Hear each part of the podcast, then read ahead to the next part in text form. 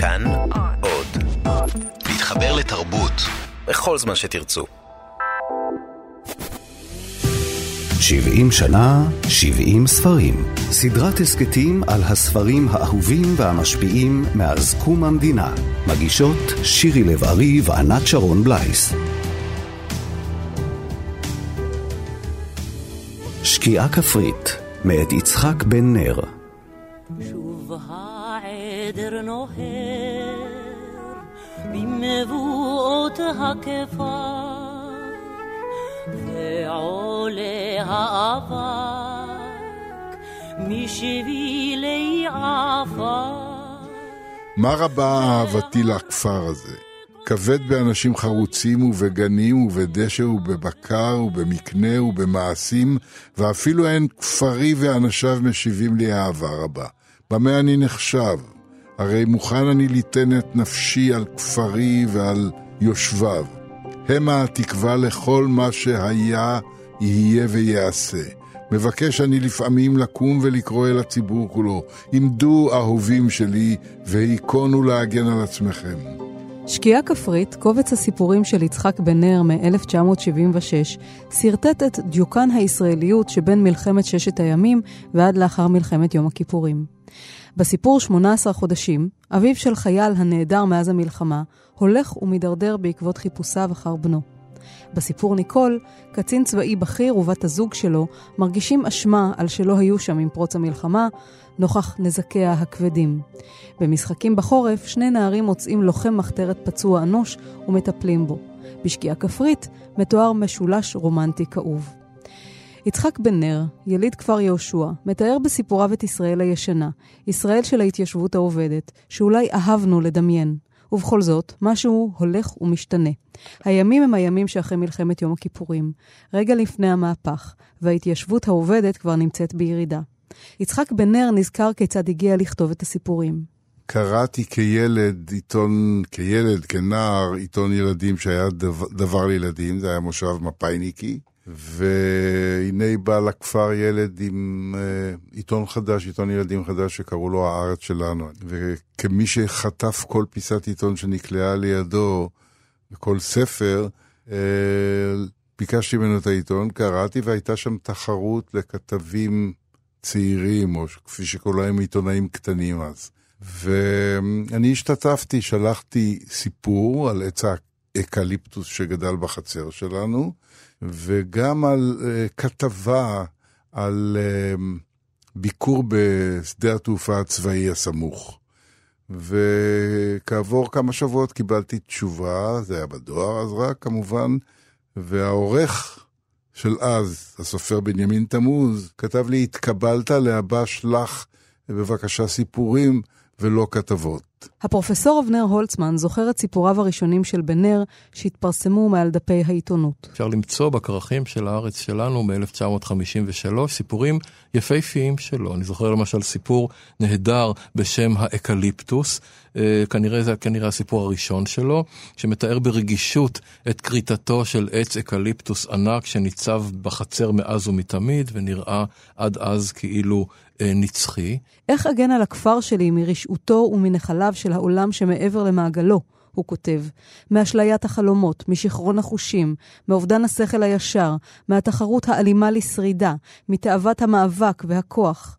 אני רואה את בנינו שבים מהצבא, ואותן שלוות נפש ובטחה שהיו נשקפות מעיניהם, מתחלפים לאט לאט בספק, באי שקט, בגילויים של מבוכה ואי-ודאות. הספר נקרא שקיעה כפרית, וזה לכאורה איזה תיאור של, תיאור נוף. פסטורלי של שמש שוקעת, אבל כל המשמעויות של המילה שקיעה אה, נמצאות כאן. אה, קודם כל השקיעה הכפרית, השקיעה של אולי אתוס ההתיישבות, אתוס עמק יזרעאל. אני פעם עשיתי מחקר גדול על הדימויים והייצוגים של עמק יזרעאל בתרבות העברית, מראשית המאה ה-20, וזה בדיוק הרגע שבו העמק, כן, מיתוס העמק, שירי העמק, שירי ההלל למיניהם, מפנים את מקומם לאיזה אגמומיות, גם בגלל ירידתה של תנועת העבודה מן הדומיננטיות שלה. הספר הזה מופיע שנה אחת לפני המהפך. הפוליטי, כאשר הקיבוצים והמושבים פתאום נהיים איזה מין אחרים כמעט מודרים וחשודים בעיני השלטון החדש. העולם נתון כולו בסערות. חרב מכה בחרב ואש תאכל אש, תהום גדולה ונוראה נפערת לבלוע הכל, הרעים פחות והרעים יותר. כפרי שלי, איש של יופי וטוהר הוא בפאתי העולם. החרוצים הם אנשיו, ואין בהם זומם רעה, ואין בהם דורשי רעה. זה וזה עושים במלאכתם, ושלווה ירקרקת של עמל טוב, שורה על פני כל, והררי הביצים מתגבהים והולכים, ונערות זקים של חלב לבן זורמים, וכתם התפוז למלוא עין וטוב. מושב ותיק בעמק אחרי 50 שנה, עם כל... אה, הייתי אומר, לא הייתי אומר, אולי הריקבון או ההסתאבות, השקיעה, פתאום מאחורי החזות ההירואית, אה, האידיאולוגית, נחשפת מציאות אנושית קשה, מרה, אה, והרבה בוץ יש אה, בסיפורים האלה. בוץ, הבוץ הריאלי, האדמה השחורה הזאת של מושבי העמק, שנהפך גם, גם לסמל, ואנשים בסך הכל אנשים אומללים. יש שם סיפור אהבה. אה, שלא קרה במציאות, זאת אומרת, זה מהדמיון, אבל הוא אה, נעזר בכמה דברים דומים שקרו, של אישה זרה, גויה, אה, מפולין, שנישאה לאיש, ליהודי ישראלי, שבא לכפר לעבוד uh, כפקיד במשרד של, של המושב או כמנהל חשבונות, um, והם מתגוררים בסמוך לב, לביתו של, uh, למשקו של uh, גיבור הסיפור, שהוא גבר חסון במלוא ו...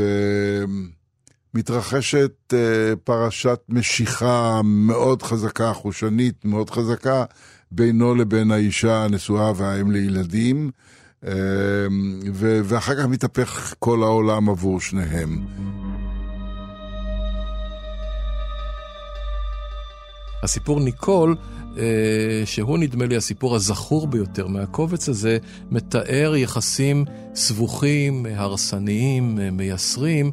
בין אישה צעירה, ניקול, לבין מפקד חטיבה מהולל, אה, ברקו, שהודח בשל כישלונותיו במלחמה, והוא נתון כל הזמן באיזה תכנון חסר סיכוי אה, של אה, טיהור שמו, מלחמתו חסרת התוחלת, כן, לחזור ולהיות אדם שיכול לבוא בחברה. הרבה נכתב על הסיפור ניקול כאלגוריה.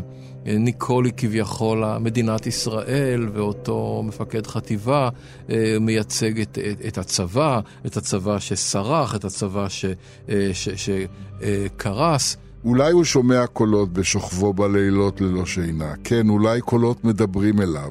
היא יודעת שאוזניו קשובות אליהם. אולי קולו של יונתן, ואולי האיש ממעוז פ' מוסיף לקרוא לו. 39 שעות רצופות קרא אליו, עד שהתרוקנו סוללותיו ובאו המצרים. ברקו עצמו לא סיפר לה על כך מעולם. הוא כספר חתום לעזאזל.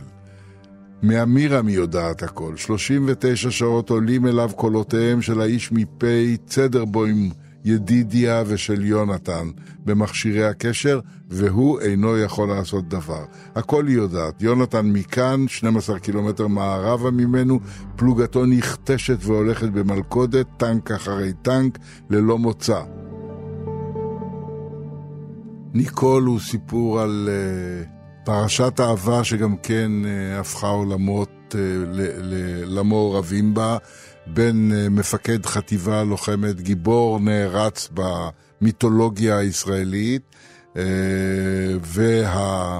והקצינה, קצינת התרבות שלו, המזכירה שלו, אה, ניקול, שצעירה ממנו בשנים רבות, ובגלל האהבה הזאת, שניהם בילו ב... נדמה לי בבאר שבע במלון, בזמן שפרצה מלחמת אה, יום כיפור, והחטיבה שלו שהייתה בקו הקדמי נכתשה לגמרי. והוא לא היה שם, והיא לא הייתה שם.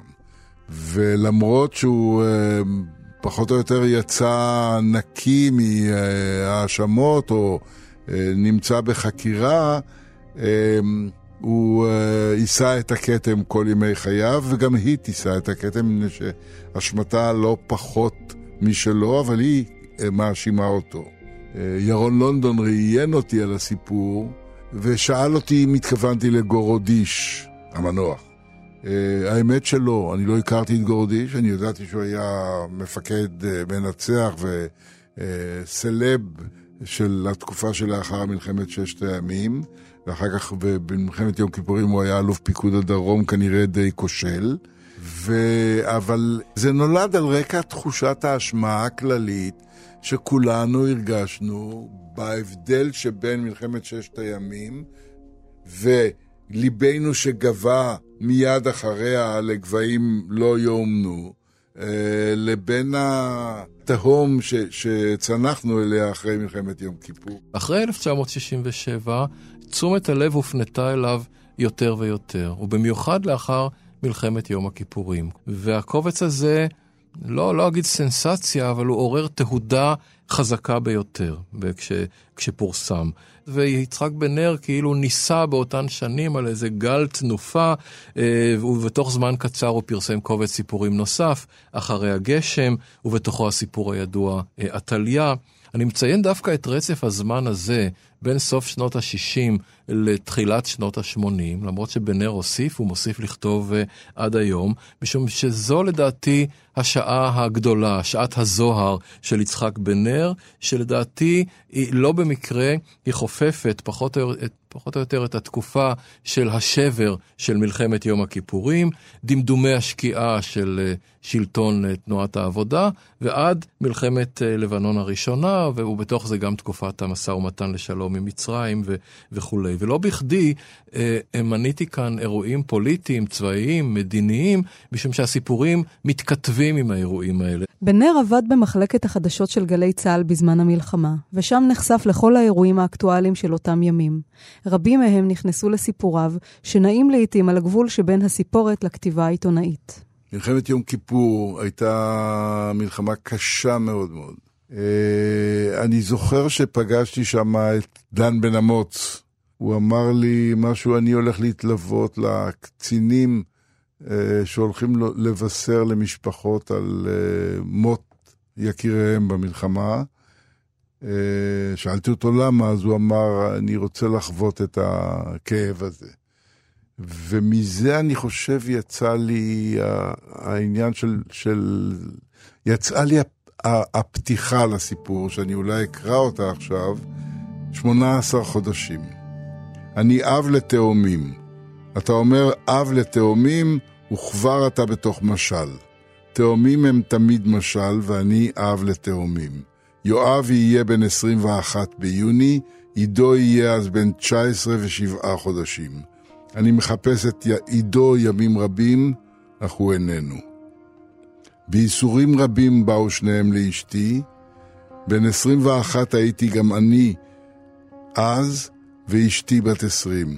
יואב נולד ראשון ועידו שני, ולא אחז השני בעקב אחיו. היינו אז הורים צעירים מאוד. הסיפור 18 חודשים, למשל, מתאר תהליך הידרדרות שעובר על אב שבנו נעדר בקרבות אה, בסיני, והוא כל הזמן מחפש ומחפש אחריו, ויחד עם זאת אה, משקיע את עצמו בכל מיני אהבהבים מזדמנים, המשפחה שלו מתפרקת, אה, זה סיפור דיכאוני, כמעט הייתי אומר שחור משחור, אבל מאוד מאוד חזק ו- ולופת את הקורא. משחקים בחורף מתאר סיפור שמתרחש בכפר הסמוך לכפר יהושע האליטיסטי, כפר במורדות הכרמל, בישראל השנייה, של אנשים קשי יום. שם מוצאים הילדים, נער ונערה, לוחם מחתרת פצוע ומטפלים בו עד מותו. בחורף ההוא בינואר רב אחי מריבה גדולה וקשה עם אבא, איני זוכר כבר מה היה העניין. בכפר שלנו היו הכל רבים עם הכל בכל דבר. אחי צעק ואבא השיב לו במילים שקטות, ואני הסתלקתי מן הצעקות החוצה, למתבן, מבלי ללבוש את מעילי אפילו. התקופה היא תקופה שלפני uh, מלחמת העצמאות. אה, הבריטים שולטים בארץ, והם מסתירים אה, לוחם לח"י פצוע במתבן של, של המשק, ומאכילים אותו באוכל של פרות שאין להם משהו אחר לתת לו.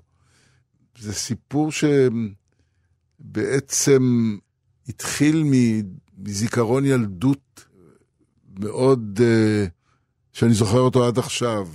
הכפר שלי היה כמובן כפר מפא"יניקי, ההגנה, הפלמ"ח. המחתרת הייתה אה, לא הכרח לא יגונה, אלא משהו פסול, מוחרם, אה, שנוא ולא מובן. אבא, אם היו מבקשים אותך, היית עוזר למחתרת? לא, אני לא מאמין בטרור. הסיפור עובד לסרט קולנוע בידי רם לוי ב-1988. אבל הם גיבורים, לא? יש כאלה שחושבים שהם גיבורים. מה אתה חושב? שכן. הם לא פוחדים למות. לכי כותבים בחטא, לא בכף. והיו תמונות של מבוקשים בעיתונות אה, שהבריטים ביקשו אותם וכולי. ויום אחד אני הלכתי מחבר שגר בצד אחד של הכפר אל הבית שלי, ועל כל שער, והיו אז שערים לפני כל בית ומשק, על כל שער כתבתי בגיר, בג... לוחמי חירות ישראל. בלי שידעתי את המשמעות, בלי שהבנתי. ובכפר קמה מהומה, וחשבו ש... אה, מהזה, עושים תעמול, בורחים מהמחתרת, עושים תעמולה וכולי, ואני שתקתי כמו אבן. יצחק בן נר, סופר, עיתונאי, מחזאי, מבקר סרטים ושדרן רדיו, נולד ב-1937 בכפר יהושע. הוא החל את דרכו ככותב בעיתוני ילדים כבר בגיל 14. בן נר עבד שנים רבות כעורך ומגיש בגלי צה"ל. יזם וערך את המוסף הסאטירי דבר אחר בעיתון דבר, וכתב גם בהארץ, מעריב וידיעות אחרונות. כמו כן, ערך והגיש תוכניות בטלוויזיה על ענייני קולנוע. הכפר שלי היה מאוד אהוב עליי, אהוב עליי עד עכשיו, אה, למרות שעזבתי אותו, ואני כמעט לא מכיר שם מבני הדור הצעיר, הדור שלי כבר אה, קשישים.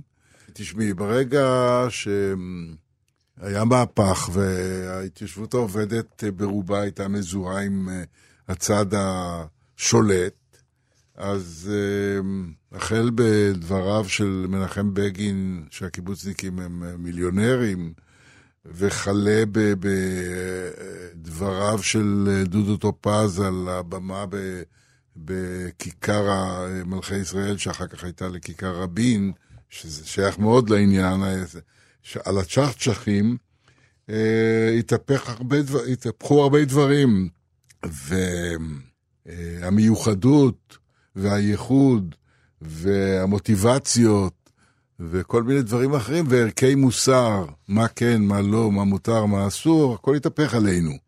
וזה הדבר, אבל בעיניי זה עוד אה, עדיין אה, אותו מקום שאני זוכר, מוקף ברושים זקופים כאלה ומאובקים.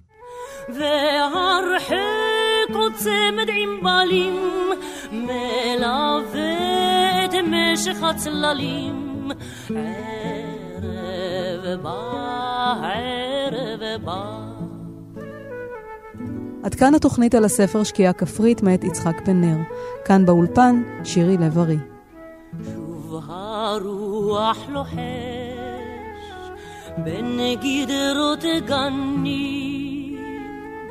ובצמרת הברוש כבר נמות יונים והרחק על כתף הגבעות עוד נושקות קרניים אחרונות ערב בא בא. שוב הוורד חולם, חלומות בלט, ופורחים כוכבים במרום אט-אט, ذهر حكب عمكافل ملا هتانت بها ليل لا يلراد لا يلراد لا يلراد لا يلراد